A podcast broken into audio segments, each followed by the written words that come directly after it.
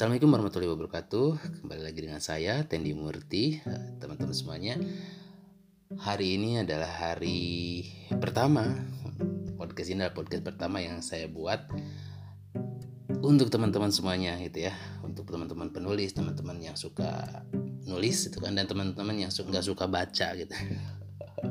Kenapa? Karena ternyata banyak ya data kita di Indonesia menunjukkan bahwa Indonesia adalah salah satu negara yang tingkat bacaannya dikit banget gitu.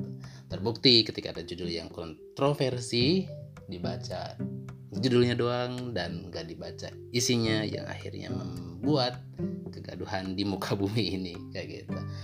Oke, jadi hari ini adalah uh, jujur sih sebenarnya rada dagdikduk karena baru pertama kali saya membuat sebuah podcast dan bisa memberikan mudah-mudahan ini bisa memberikan kebaikan buat banyak orang gitu ya yang nggak suka baca buku mungkin saya lagi bedah buku nantinya gitu kan yang suka nulis tapi malas belajarnya dari bacaan-bacaan mungkin dari podcast ini bisa memberikan masukan-masukan yang bisa ya lumayan lah untuk eh, teknik-teknik nulis kita ke depannya kayak gitu.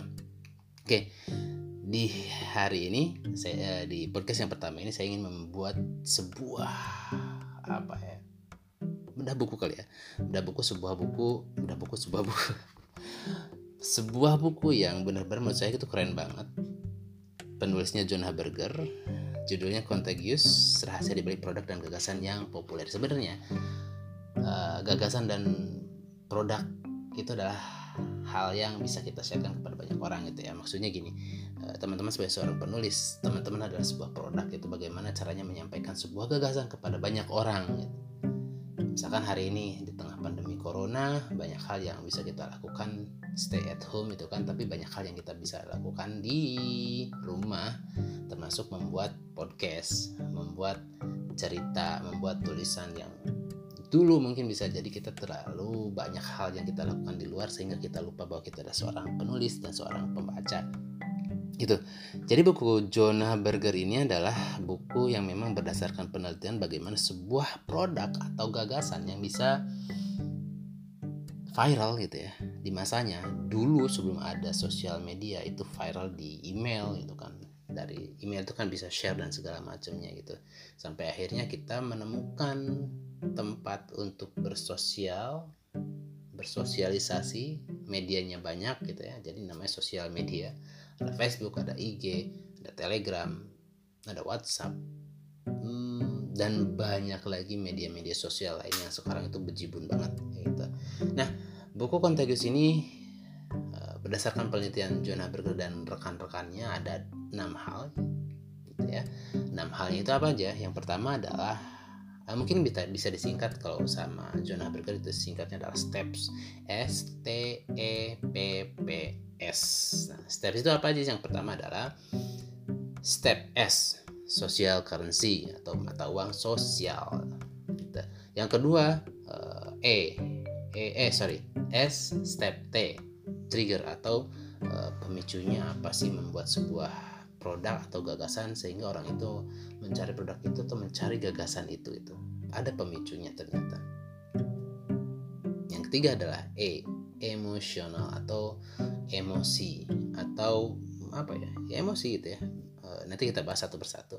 Yang keempat adalah P yang perempat adalah hmm, publik publik itu maksudnya eh, lebih umum itu bagaimana sesuatu sebuah tulisan yang memang bisa jadi itu adalah hal yang enggak sifatnya enggak umum gitu. Sesuatu yang enggak umum tapi bisa dibuat menjadi umum atau publik kayak gitu. Seperti itu. Yang kelima adalah praktis atau practical atau bagaimana uh, kita menyisipkan praktisnya itu di situ. Seperti apa bagaimana stepnya dan segala macamnya. Yang terakhir adalah story atau cerita. Nah oke okay, kita bahas satu-satu. Eh, yang pertama adalah tentang social currency atau mata uang sosial. Maksudnya gimana sih kang? Ya. Jadi social currency atau mata uang sosial itu uh, seperti ini. Sebenarnya intinya adalah setiap orang gitu ya setiap orang ingin mem mem memperlihatkan dirinya adalah seseorang yang lebih tampak pandai gitu ya nampak pandai atau nampak kaya. Dan itu menjadi mata uang sosial gitu kan. Mau tidak mau suka nggak suka itu terjadi. Tampak pandai tampak kaya gitu kan. Terus tampak ganteng tampak cantik dan segala macam. Makanya kenapa kosmetik itu selalu ramai dibeli oleh banyak wanita gitu. Karena mereka ingin tampil cantik gitu. Tampak pandai gitu kan. Mereka menumpuk buku. Ini banyak banget nih kerjaan penulis kerjaan penulis deh bagaimana sebuah apa banyak buku disimpan di rak gitu ya. Tampak pandai ya. padahal bukunya nggak dibaca sama sekali gitu ya. Atau tampak kaya gitu kan bawa mobil foto dengan mobil atau dan segala macamnya dan segala macamnya. Sama ketika kita menjadi seorang penulis atau pembaca atau kita menargetkan seseorang itu men transfer atau men-share tulisan kita mereka ingin merasa tampak pandai gitu maksudnya gimana kang? Maksudnya gini. Kita ambil contoh tentang tulisan saya. Tulisan saya di Facebook teman-teman bisa lihat itu ya. Teman Facebook saya ah Tendi AKH AKH Tendi. Search atau Tendi Murti. Saya punya tiga akun. Nah, gambarnya yang buku saya tentang stop belajar kalau ingin pintar. Cover uh, Facebooknya gitu ya. Nah di artikel saya ini uh, tulisannya judulnya adalah konspirasi teori konspirasi uh, corona gitu. Ya. Kenapa? Karena saya, menyangkutkan dengan corona hari ini gitu. Karena hari ini memang lagi seluruh dunia tentang heboh tentang corona. Nah, di artikel ini saya nulis tentang teori konspirasi uh, corona kayak gitu. Nah, hal ini yang uh, hal ini menjadi trigger uh, apa namanya yang pertama trigger ya sosial mata sosial karena atau mata uang sosialnya di mana gitu letaknya di mana sih orang itu ketika membaca artikel saya mereka baru tahu akhirnya ternyata pandemi atau pandemi virus seperti ini ini pernah terjadi beberapa empat kali bahkan itu di tahun 1720, 1820, 1920 dan 2020. Coba apa yang unik? Yap. Jadi yang unik itu adalah setiap angka terakhirnya adalah 20, 1720, 1820, 1920, 2020. Orang ngerasa pandai ketika menemukan tulisan ini. Oh, dia langsung share kayak gitu.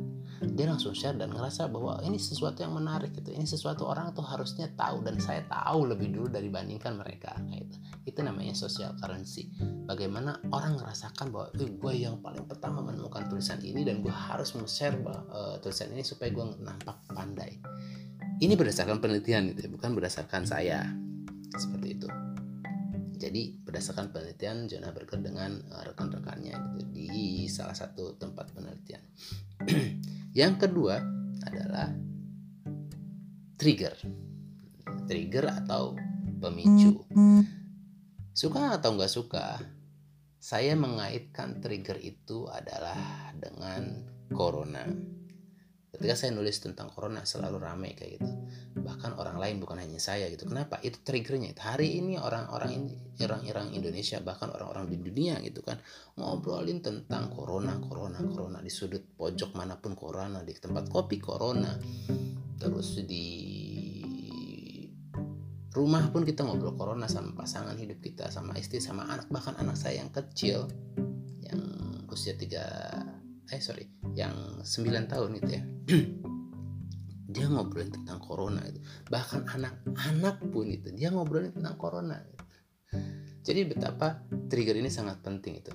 Ketika kita menuliskan sesuatu di luar corona saya jamin nggak jamin sih ya itu biasanya sepi gitu. Kenapa? Karena orang lagi fokus ke sana lagi lagi corona lagi corona lagi corona lagi apalagi saya kaitkan teori konspirasi Eh, corona, corona ini ternyata saya kaitkan dengan sebuah teori konspirasi yang memang sangat masuk akal gitu. Bagaimana uh, nanti teman-teman baca deh bagaimana Amerika gitu kan ini berdasarkan beberapa literasi yang saya dapatkan Amerika ternyata ini uh, apa ya ini masih asumsi itu asumsi tapi berdasarkan uh, literasi-literasi yang saya baca itu Amerika lempar ke China China eh, kenapa China? dan segala macamnya dan segala macamnya dan segala macam. Orang tampak pandai ketika mendapatkan tulisan itu. Triggernya corona. Kayak gitu ya. Jadi uh, yang pertama social currency. Yang kedua trigger. Nah, social currency-nya adalah orang ngerasa pandai merasa merasa lebih tahu dari sebelum orang lain. Yang kedua triggernya adalah tentang. Yang ketiga adalah E, emosional, menyangkut sangkutkan dengan emosi di dalamnya kayak gitu. Emosi di dalamnya kenapa?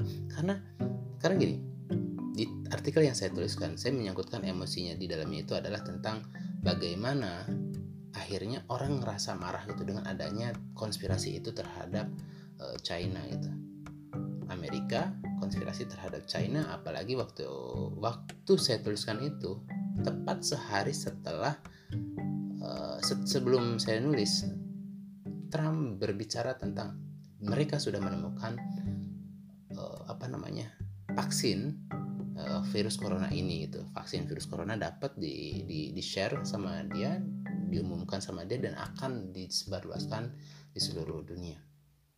Bahwa fakta hari ini Amerika adalah uh, apa namanya terbanyak gitu ya jumlah korbannya itu adalah fakta hal yang lain kayak gitu. Orang merasa marah ketika Amerika ternyata Amerika dibalik semua ini gitu. Indonesia menjadi imbasnya gitu. Itu emosinya kebangun emosi marah. Tapi ingat ketika kita nulis menurut buku ini gitu Janaber dari Contagious ini jangan pernah menuliskan sesuatu yang sedih.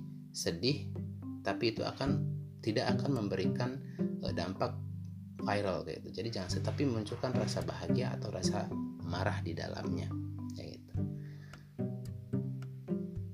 Yang keempat. Yang keempat adalah tentang publik atau umum. Nah bagaimana maksudnya maksudnya gimana sih gitu ya? Maksudnya adalah bagaimana sebuah tulisan itu yang hal-hal yang sifatnya itu pribadi sifatnya itu khusus kita bisa membuatnya menjadi sebuah tulisan yang umum gitu. sebuah tulisan yang dimengerti oleh banyak orang. Sebuah tulisan yang orang lain menikmati itu gitu dan paham dengan mudah itu dibandingkan nah, bayangkan gini COVID-19 itu coronavirus disease 19 itu sebenarnya kalau misalnya kita bahas ke dalam lebih dalam lagi lebih dalam lagi lebih dalam lagi itu akan menjadi sebuah tulisan yang apa bukan sebuah tulisan ada banyak bahasa-bahasa atau istilah-istilah yang kita nggak ngerti sama sekali kayak gitu.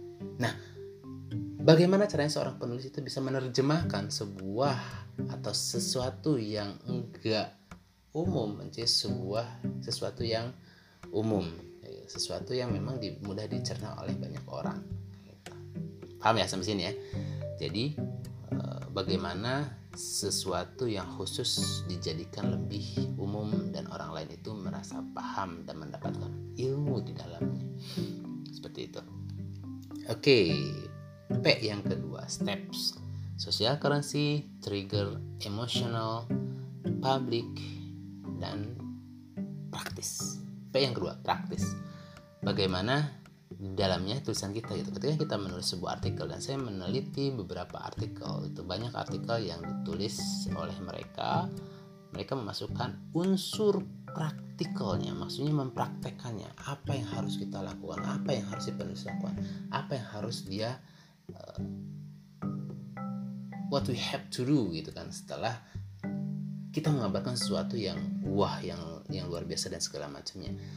Di tulisan saya di apa namanya di tulisan yang konspirasi teori konspirasi corona itu saya memasukkan tentang bagaimana kita menghadapi konspirasi ini gitu kan. Karena kenapa? Karena kita sebagai seorang individu tentu nggak ngerti gimana caranya ngadepin itu. Kita masuk ke dunia pemerintahan juga nggak bisa gitu kan. Kita ngomong sama Donald Trump juga nggak bisa bisa bisa kita ditembak gitu kan. Atau hal-hal yang lainnya. Bagaimana kita melakukan sesuatu terhadap diri kita sendiri sebagai seorang individu kayak gitu. Nah, yang saya lakukan di situ adalah menulis tentang ya udah kita pasrah sama Allah itu kan. Virus corona adalah virus yang diciptakan oleh Allah Subhanahu wa taala pada prinsipnya gitu kan. Dan segala macam. Artinya virus ini juga e, berzikir sama Allah gitu kan. Ada ayatnya bagaimana memang semua makhluk hidup itu berzikir sama Allah bisa dikandalkan sama Allah dan Allah akan mengatur semuanya yang ngurusin ngurusin semuanya itu gitu. yang artinya apa? Artinya apa? Yang harus kita lakukan adalah ikuti perintah Allah. Yang pertama. Yang kedua jadilah seperti Abdul Muthalib ketika menemukan tentara bergajah ingin menghancurkan Ka'bah Abdul Muthalib datang ke Abraha. Wahai Abraha kembalikan 200 unta saya. Kalau nggak salah 200 unta ya kalau, kalau nggak salah. 200 unta salah ya Abraham bertanya kenapa kamu meminta untuk mengambil, mengembalikan 200 unta itu? Kenapa kamu nggak menjaga Ka'bahmu? Abraham bingung dong gitu kan kata Abdul Muthalib 200 unta ini milik saya. Jadi otomatis saya yang harus menjaganya. Dan Ka'bah itu milik Allah biarkan Allah yang akan mengurusnya. Bagaimana nasib anda ke depannya? Nah itulah yang terjadi gitu. Bagaimana uh, nilai praktisnya itu dimunculkan itu kan. Dari pertama adalah ya kita sebagai individu ya taat aja sama Allah gitu kan. Yang kedua taat sama Rasulnya. Apa yang harus kita taati? Ketika menemukan wabah corona kita nggak usah masuk tuh ke dalam uh, tempat itu gitu. Dan ketika berada di dalam tempat yang memang terkena virus corona atau terkena pandemi segala macamnya wabah dan segala macamnya ya kita jangan keluar. Nah itu yang dianjurkan sama Rasulullah gitu kan. Beliau pernah menemukan itu. Bahkan sahabat pun pernah menemukan itu. Umar bin Khattab pun pernah menemukan itu. Itu step yang uh, pertama. Yang kedua adalah jadilah seperti Abdul Muthalib biarkan Allah yang ngurus semua uh, apa namanya konspirasi itu. Itu yang nilai praktisnya gitu. Praktisnya nilai apa yang what we have to do after that after this gitu ya. Yang terakhir yang keenam adalah hmm, story steps story. Jadi buat artikel atau tulisan yang kita bikin itu adalah menggunakan cerita di dalamnya. Jadi jangan sampai kayak skripsi kayak tesis itu kan oh, baku banget itu. Bikin cerita itu semenarik mungkin uh, tulisan itu semenarik mungkin seolah-olah kita sedang bercerita kepada orang itu gitu, atau storytelling istilahnya. Bagaimana orang itu ngerasa nyaman dengan tulisan kita. Makanya di awal saya nulis uh, artikel uh, teori konspirasi corona ini gitu ya itu di awalnya adalah sesuatu yang benar-benar bikin orang tuh ya nyaman aja ringan aja gitu relax aja ketika membaca sesuatu yang nampak berat tapi dibikin relax. Gimana caranya? Pakai cerita. Oke itu ya teman-teman. Jadi ada enam hal. Yang pertama apa tadi? Oke yang pertama uh, S social currency atau mata uang sosial. Yang kedua trigger. Yang ketiga emosional. Ngikat sama emosinya ngebangun emosi. Yang keempat public atau umum. Bagaimana sebuah tulisan yang memang sifatnya khusus itu dibikin umum supaya orang lebih mudah mengerti. Yang kelima practical atau praktis ada nilai praktis yang kita tuliskan di dalamnya. Dan yang terakhir step yang terakhir S itu ya steps. S yang terakhir adalah story atau cerita bagaimana tulisan kita di dalamnya mengandung unsur-unsur cerita. Kayak misalkan cerita Abdul Muthalib di dalamnya gitu kan ketika bertemu dengan tentara Abraha tentara bergajah. Oke, itu yang saya ingin saya sampaikan. Semoga bermanfaat teman-teman. Dan semoga bisa terus membuat uh, podcast lagi yang banyak gitu ya. Doakan kita tutup dengan alhamdulillah, alhamdulillah Assalamualaikum warahmatullahi wabarakatuh.